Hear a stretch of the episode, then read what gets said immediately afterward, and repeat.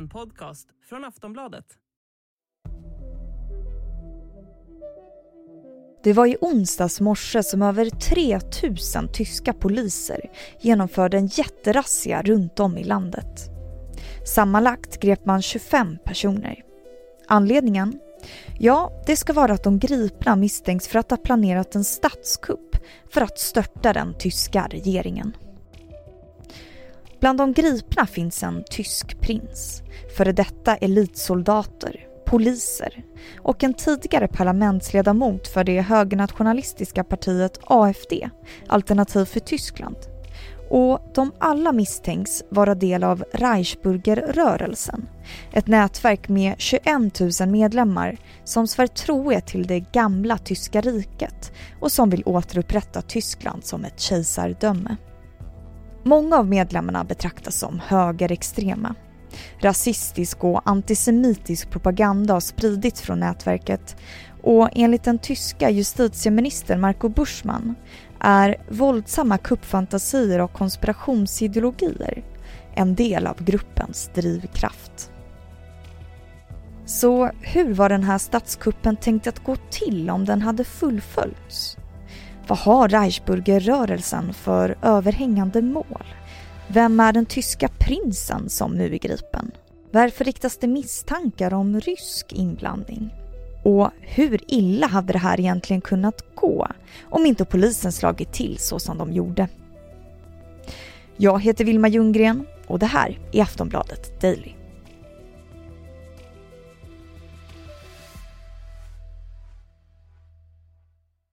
Med mig i studion har jag Wolfgang Hansson, utrikespolitisk kommentator här på Aftonbladet. Han får börja med att berätta om det stora polistillslaget som skedde på onsdagsmorgonen.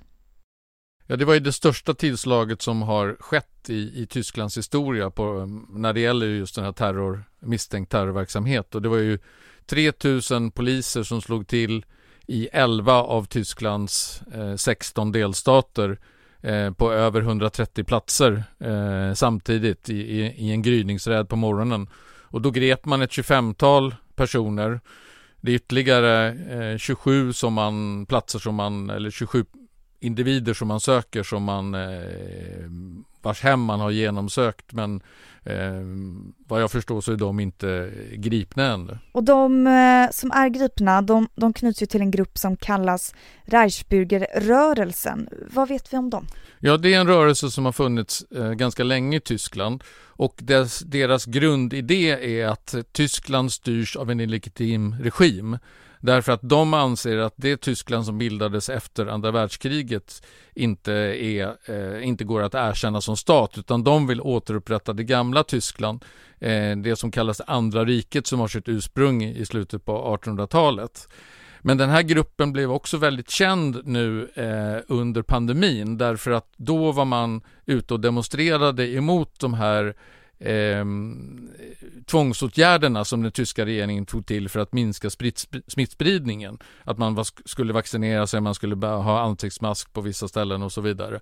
Eh, och då var väldigt många av de här väldigt aktiva. Och i samma veva så var det andra högerextrema grupper som också demonstrerade under pandemin och då möttes de här tillsammans så att säga. Och det är den här som nu har blivit en väldigt farlig cocktail av, av olika typer av högerextremister och, och, människor som, som förnekar den tyska staten.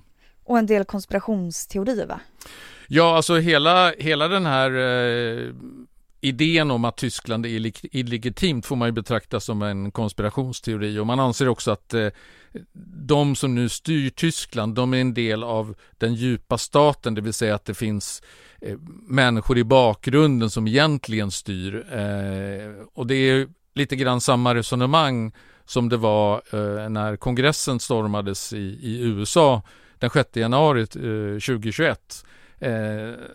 De Trump-anhängarna pratar ju också om att det de har ju den här Qanon-konspirationsteorin som ju även då eh, omfattas en del av det, eh, i Tyskland av den här rörelsen.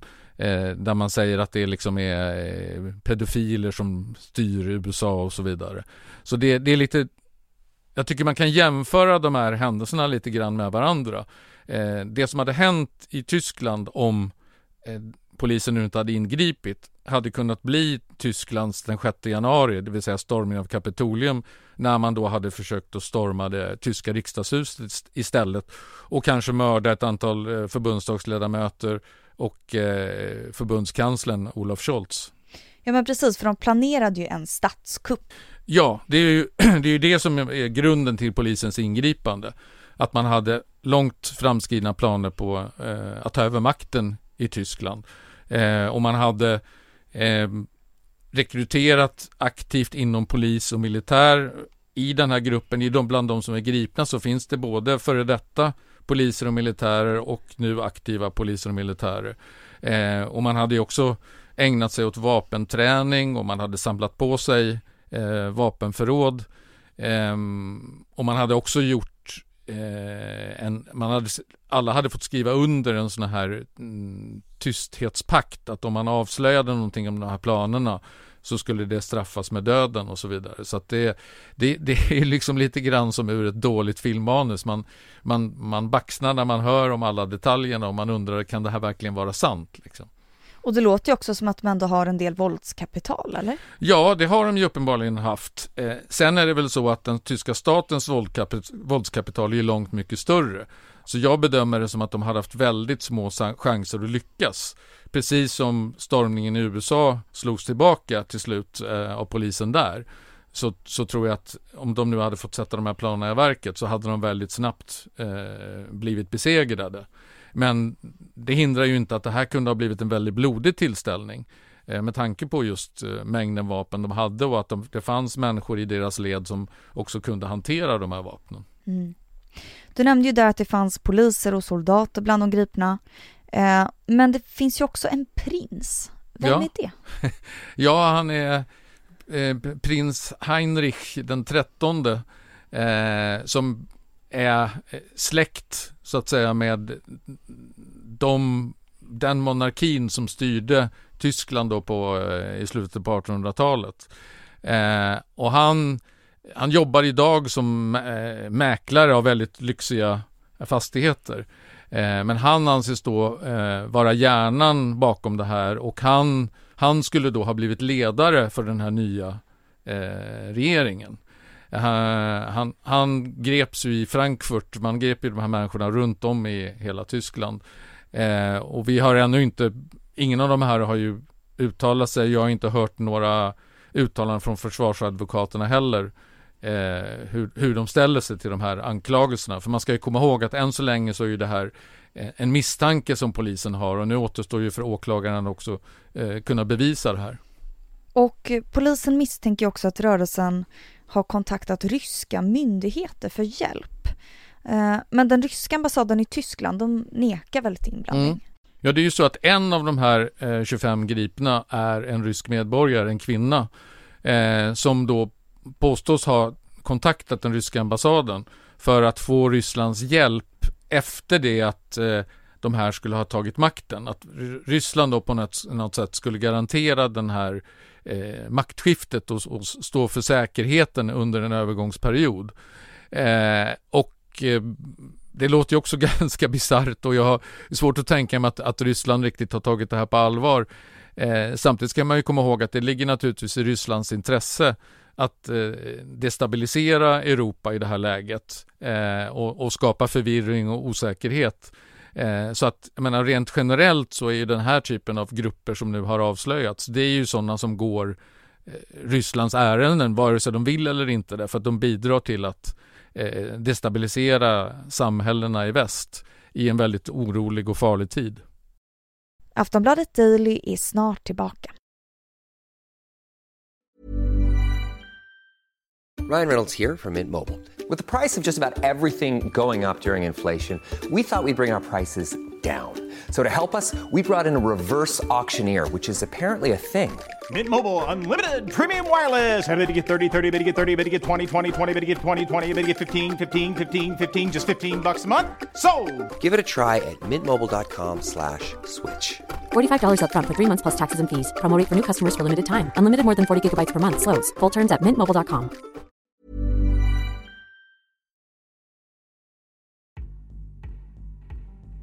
Under de senaste åren så har vi främst pratat om ensamagerande terrorister. Men i det här fallet så pratar vi om en stor grupp som tycks organisera sig. Hur ovanligt är det egentligen? Vi hör Wolfgang Hansson igen. Ja, det är väl ganska ovanligt att man kan hålla på så här länge så att säga och bygga upp en apparat och, och eh, smida sådana här planer utan att det upptäcks eh, tidigare. Ofta är det ju så att ju, ju fler inblandade det är desto större är chansen att det avslöjas i tid. Eh, men det här är ju någonting helt annat än den här ensamagerande terroristen som, som vi har sett också många eh, prov på. För det här är ju liksom en, på en helt annan nivå. Det här är ju ett, eh, även om det chansen att lyckas var små så var ju det här som det har presenterats i alla fall, ett, ett försök att ta över makten i Europas mäktigaste land. Jag menar, Tyskland är eh, den största ekonomin i, i, EU och det mäktigaste landet. Eh, och att en sån här grupp skulle kunna ta över det, liksom, det är ju eh, ja, det är ju fantastiska planer så att säga, även om det är eh, risken eller chansen att de skulle lyckas väldigt liten. Är det därför du tror att det kanske sker i just Tyskland eller var, varför sker det där? Ja, men det är klart att i Tyskland det finns ju, det finns ju många eh, olika rörelser där som, som härstammar ifrån det faktum att Tyskland förlorade andra världskriget och från att man aldrig, okej okay, man, man ska inte säga att man inte har gjort upp med nazismen, för det har man ju försökt att göra. Eh, men samtidigt har man ju försökt undertrycka de här högerextrema grupperna i, i många år och de har ändå liksom poppat upp överallt. Eh, och vi, jag menar, vi har må haft många år med nynazister i Tyskland som har varit aktiva. Sen har vi fått eh, AFD, där partiet eh, Alternativ för Tyskland, ett högerextremt parti som liksom, lite grann går att jämföra med, med Sverigedemokraterna i Sverige. Eh, så att den här miljön har hela tiden växt väldigt mycket och eh, radikaliserats också väldigt mycket under pandemin när ju väldigt många i Tyskland var väldigt upprörda över att staten liksom eh, ställde väldigt stränga krav för vad de fick göra och inte göra. Som du sa förut så baxnar man ju när man hör här. Tror du att det är toppen av ett isberg som vi ser nu? Alltså kommer det komma fram mycket mer framöver? Mycket mer skulle jag inte säga, men det är klart att eh, vi, vi, lever i väldigt märkliga och farliga tider där eh, först pandemin och sen den här energikrisen som nu har skapats på grund av eh, Rysslands invasion av Ukraina. Eh, det är ju saker som skakar om våra samhällen på ett väldigt fundamentalt sätt och gör människor väldigt oroliga. Eh, och just i sådana oroliga tider så är det ju eh, lätt för grupper eh, som är vare sig nu är vänster eller högerextremister att liksom försöka locka till sig folk med olika budskap eh, för att liksom försöka störta det etablerade samhället eller liksom skada det på något sätt. Och, och man kan ju undra eh, om det här nu pågår i Tyskland, finns det liknande rörelser i, i andra länder, i, i Frankrike, Italien och hur är det i Sverige? Liksom? Skulle någonting sånt här kunna hända här? För jag menar, jag tror att många tyskar, de var ju chockade när de här fick reda på det här igår med de här räderna och vad som, vad som hade planerats. Eh, och vi i Sverige är väl också eh, naiva i den bemärkelsen att vi tror väl inte att någonting sånt helst, eh, några sådana här saker skulle kunna hända här, att det finns människor som skulle kunna ha sådana planer. Men jag tror att man, man ska nog vara väldigt uppmärksam på att det kan finnas även på andra ställen. Liksom. Vi har ju sett, vi såg det i USA med stormningen av kongressen. Det kunde ha blivit en liknande situation nu i, i Berlin i Tyskland och det kanske finns andra länder där eh, det finns liknande rörelser. Tack så mycket för idag Wolfgang. Tack. Du har lyssnat på Aftonbladet Daily med Wolfgang Hansson, utrikespolitisk kommentator här på Aftonbladet. Och med mig, Vilma Ljunggren. Vi hörs snart igen.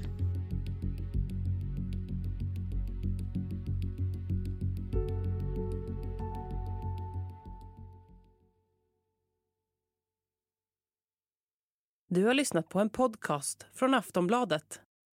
Ansvarig utgivare är Lena K Samuelsson. Ready to pop the question? The jewelers at BlueNile.com have got sparkle down to a science with beautiful lab-grown diamonds worthy of your most brilliant moments. Their lab grown diamonds are independently graded and guaranteed identical to natural diamonds, and they're ready to ship to your door. Go to Bluenile.com and use promo code LISTEN to get $50 off your purchase of $500 or more. That's code LISTEN at Bluenile.com for $50 off. Bluenile.com code LISTEN.